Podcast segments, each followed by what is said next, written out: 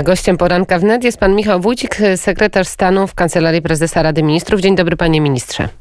Dzień dobry panie redaktor, dzień dobry państwu. Dużo bardzo mówimy na temat praworządności, na temat budżetu. Co pan sądzi na ten temat? Opozycja oczywiście zauważa, że nie dostaniemy dopłat dla rolników, że nie będziemy mieli autostrad, że no w ogóle będzie bardzo kiepska sytuacja w Polsce. Przede wszystkim, pani redaktor, trzeba wyjść e, z tego, e, dlaczego ten mechanizm się pojawił, jakie on ma podstawy prawne. No, dlatego, że e, w traktacie, w traktatach, które podpisywaliśmy, nie ma żadnego przepisu, który dawałby podstawę do tego, żeby taki mechanizm łączący, mechanizm łączący praworządność z przekazywaniem środków unijnych, żeby był dopuszczalny. On prawnie po prostu jest niedopuszczalny. No, wiadomo, że my działamy w ramach kompetencji powierzonych to wynika z traktatu, więc ktoś e, musiałby się zgodzić na to, żeby taki mechanizm stworzyć. E, no i powiem tak, jedyny przepis, który odnosi się do kwestii praworządności, mógłby być wykorzystany, to jest artykuł 7. I ta procedura została wobec Polski wszczęta. Natomiast e, no, niektórzy z rozbrajającą szczerością mówią, że nieskutecznie jest ten artykuł 7. Wobec tego dobrze będzie, jeżeli stworzy się swój mechanizm. No i taki mechanizm stworzono. Oczywiście posłowie opozycji, a także przedstawiciele opozycji zauważają, że może być takie ryzyko, że w przypadku zawetowania funduszu odbudowy, nie mówię teraz o budżecie, tylko mówię o funduszu odbudowy, może on zostać skonstruowany tylko w odniesieniu do państw związanych z, ze strefą euro, które należą do strefy euro i wtedy Polska mogłaby z niego nie skorzystać. Czy to nie jest zbyt duże ryzyko, panie ministrze? W ogóle, pani redaktor, e, mowa jest o tym, że może być jakaś umowa międzyrządowa wyłączająca dwa państwa, czyli Polskę i Węgry. Tak, które... mówił o tym premier Holandii. Tak. Mhm tak, które nie zgadzają się na ten mechanizm.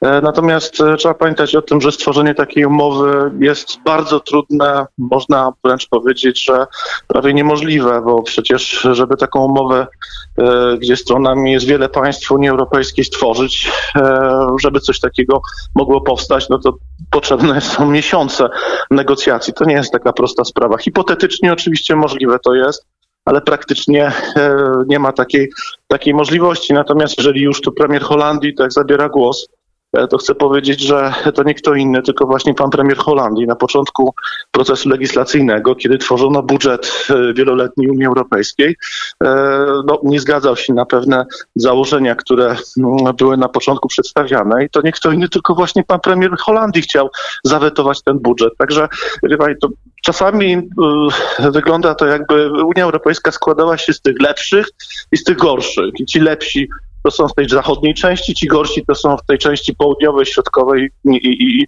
i, i wschodniej. Także to, tak nie jest, tak to nie funkcjonuje. Pan jest ty, także wiceprzewodniczącym Solidarnej Polski. Wiemy o liście przewodniczącego pana Zbigniewa Ziobry do premiera Mateusza Morawieckiego, że to jest jeden z tych najbardziej istotnych i teraz najbardziej e, ważnych warunków w związku i z funkcjonowaniem koalicji i w ogóle w podejściu do spraw e, Unii Europejskiej. Wyobraża pan sobie, że odstępujemy i nie wetujemy tego budżetu? I się zgadzamy na taką zasadę praworządności? Panie redaktor, nigdy nie możemy się zgodzić na coś, e, co e, będzie niebezpieczne z punktu widzenia suwerenności naszego kraju. To nie jest e, jakieś wyświetlane hasło, tylko to jest wartość, ogromna, szczególna wartość w takim narodzie jak Polska. I Polacy to wiedzą, proszę zwrócić uwagę, nawet sondaże, które pokazują w sposób jednoznaczny, chyba zaskakujący zupełnie dla opozycji, że aż 57% osób w takiej sytuacji, jeżeli by się to wiązało z utratą suwerenności przez nasz kraj, no nie chce takiego budżetu, czyli nie da sprzedać suwerenności za pieniądze. To jest bardzo ważne. 20% zaledwie osób mówi, że byłoby gotowe zgodzić się na taki mechanizm. A ten mechanizm jest szalenie niebezpieczny, bo on tylnymi drzwiami praktycznie wprowadza wszystko, e, na co będą mieli ochotę urzędnicy brukselscy. I wczoraj miałem okazję słuchać Belki pana Belki, który mówił, że to jest nieprawda, że będą jakieś targi dzieci, czy, czy kwestie dotyczące małżeństw jednopłciowych. No ależ oczywiście pan Belka najwyraźniej nie czytał w ogóle rozporządzenia. Jest możliwość absolutnie otwierania furtki na różnego rodzaju rzeczy, które mm, w Polsce, w Polsce nie, mieszczą, nie mieszczą się na przykład w porządku prawnym, gdzie w Konstytucji związek małżeński to jest kobieta mm -hmm. i mężczyzna. Absolutnie to jest otwarcie furtki, to nie ma żadnych wątpliwości. No i właśnie tutaj pojawia się bardzo ważna sprawa, żeby o tym rozporządzeniu mówić. Tam są, tak jak pytałam przed chwilą pana posła Liberackiego, tam są według mnie oczywiście bardzo nieostre i niedookreślone pojęcia, gdzie mamy walkę z korupcją, no to jeszcze to możemy jakoś łatwo zdefiniować. Funkcjonowanie wolnego rynku mediów też otwiera nam furtkę, bo nie wiadomo, jaki to jest wolny rynek mediów.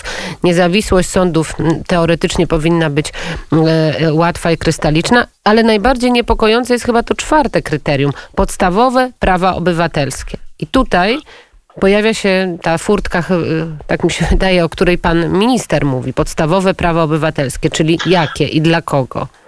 No właśnie, no bo e, kwestia e, praw e, obywatelskich jest różnie rozumiana w różnych krajach i proszę zwrócić uwagę, kiedy przyjęty został ten mechanizm, czy nie przyjęty, tylko no, jest on procedowany, natomiast kilka dni temu pani komisarz Dali, która zajmuje się równouprawnieniem, to przecież ona mówiła w wywiadach, że teraz wreszcie jest mechanizm i teraz wreszcie ludzie, którzy są prześladowani w różnych krajach, mówiła tutaj o społeczności LGBT, jakoby miała być ta społeczność prześladowana w Polsce, będą e, chronieni. Czyli oni mają swoją perspektywę i uważają, że to jest instrument do realizacji ich celów. Także o tym mówię właśnie. Pan Liberacki dobrze zauważył, że to jest tylnymi drzwiami wprowadzanie tak naprawdę mm, różnego rodzaju rzeczy, ideologii LGBT, małżeństw jednopłciowych, adopcji przez takie małżeństwa, mm, czy to, co mówiłem wielokrotnie, targi, gdzie, czy, czy też konferencje, konferencja połączona z targami, gdzie tak naprawdę e, dochodzi do rzeczy, do tak zwanej surogacji e, komercyjnej. Także no, ktoś może to wyśmiewać, ktoś może się z tego śmiać, ale to jest niestety prawda.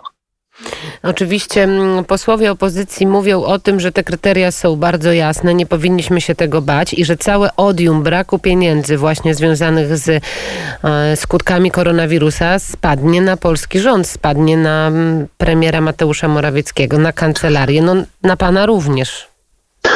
Mam wrażenie, że opozycja w ogóle nie zna tego rozporządzenia i mam wrażenie, że oni w ogóle nie rozumieją, o czym mówią. No chyba, że grają rolę pożytecznych idiotów, e, w istocie wpisując się w narrację tych polityków, którzy chcą e, dzisiaj odebrać tę suwerenność e, między innymi Polsce.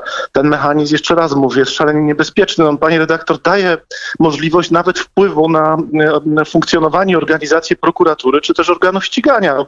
W tym w jakim, rozporządzeniu różne w jakim, rzeczy. W jakim stopniu? W jakim no są tam, takie, są tam takie zapisy, panie redaktor. Oczywiście w kontekście e, spraw korupcyjnych, e, nie wiem, jakiejś defraudacji środków unijnych, ale mimo wszystko, no, to, to jest naprawdę, to jest szalenie niebezpieczny mechanizm, szalenie niebezpieczne rozporządzenie. I jeszcze raz mówię, ono nie ma podstaw prawnych.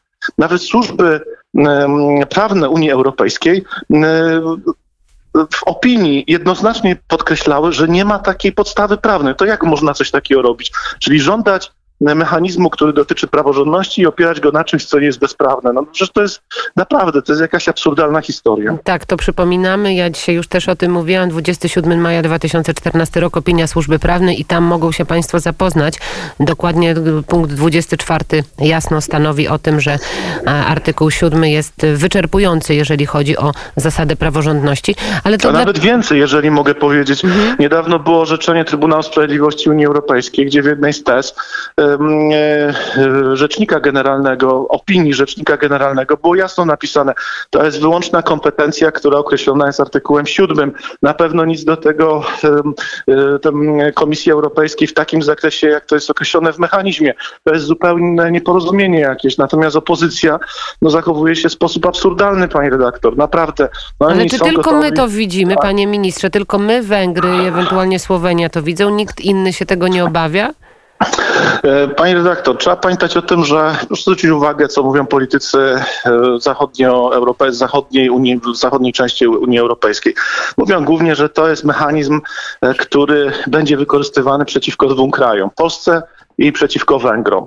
I to musimy być szczególnie wyczuleni na to. No, patrzymy, wie pani, nie interesem innych krajów, tylko interesem Polaków i, i Polski. I to jest dla nas najważniejsze. Jeżeli mówimy o czymś, co jest bezprawne, o czymś, co jest niebezpieczne, to mamy obowiązek to robić, a nie milczeć i mówić, że e, pieniądze są dla nas ważniejsze. Nie są ważniejsze. I na koniec e, pytanie. mm, Postępowanie karne zapowiedział Zbigniew Ziobro wobec osób, które upubliczniły dane e, policjantów. Jak pan się odnosi do tej sprawy? Bo to chy- chyba jest wydarzenie bez precedensu, żeby dane publikowane były w sieci. Oczywiście bardzo pozytywnie się odnoszę do, do, do, do, tego, do tych działań prokuratury. Y, No przecież to nie może tak być, że mm, e, wie pani, ktoś podaje dane personalne, dane identyfikujące policjanta, a później e, jest ogromny hejt na niego, czy też na jego najbliższych w internecie. Dane mm, osób, które mm, stoją na straży porządku bezpieczeństwa publicznego są chronione i tu nie chodzi tylko o RODO, chodzi także o kwestie przepisów karnych.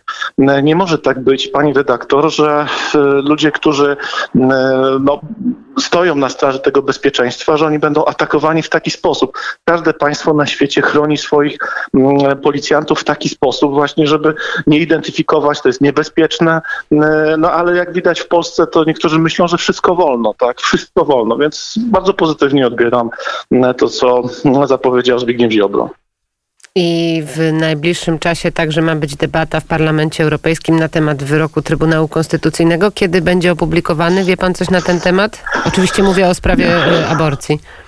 I nie mam, pani redaktor, wiedzy na temat e, k- kwestii dotyczącej daty publikacji dokładnie. No, zgodnie z przepisem powinno być niezwłocznie. Mm, E, powinien być niezwłocznie opublikowany. Być może to chodzi o m, kwestię uzasadnienia tego orzeczenia, być może chodzi o kwestię tego, żeby nie było próżni prawnej m, ze względu na fakt, że pan prezydent złożył swój projekt już, więc być może któraś z tych przyczyn leży u podstaw tego, że nie zostało to orzeczenie jeszcze opublikowane. Bardzo dziękuję. Michał Wójcik, sekretarz stanu w Kancelarii Prezesa Rady Ministrów, był gościem poranka wnet. Dziękuję panie Nawet ministrze. minister, nawet minister, pani redaktor. A Powiedziałam podsekretarz? Przepraszam. Zapędziłam takie się. jeszcze Tak. do resortu sprawiedliwości. Tak, dziękuję bardzo i wszystkiego dobrego. dobrego. Godzina 8.57 i na koniec 29. rocznica śmierci e, Frediego Mercurego, a my yy, tak z Darkiem Konkolem ustaliliśmy Radio Gaga jeszcze na koniec niech dla nas zagra.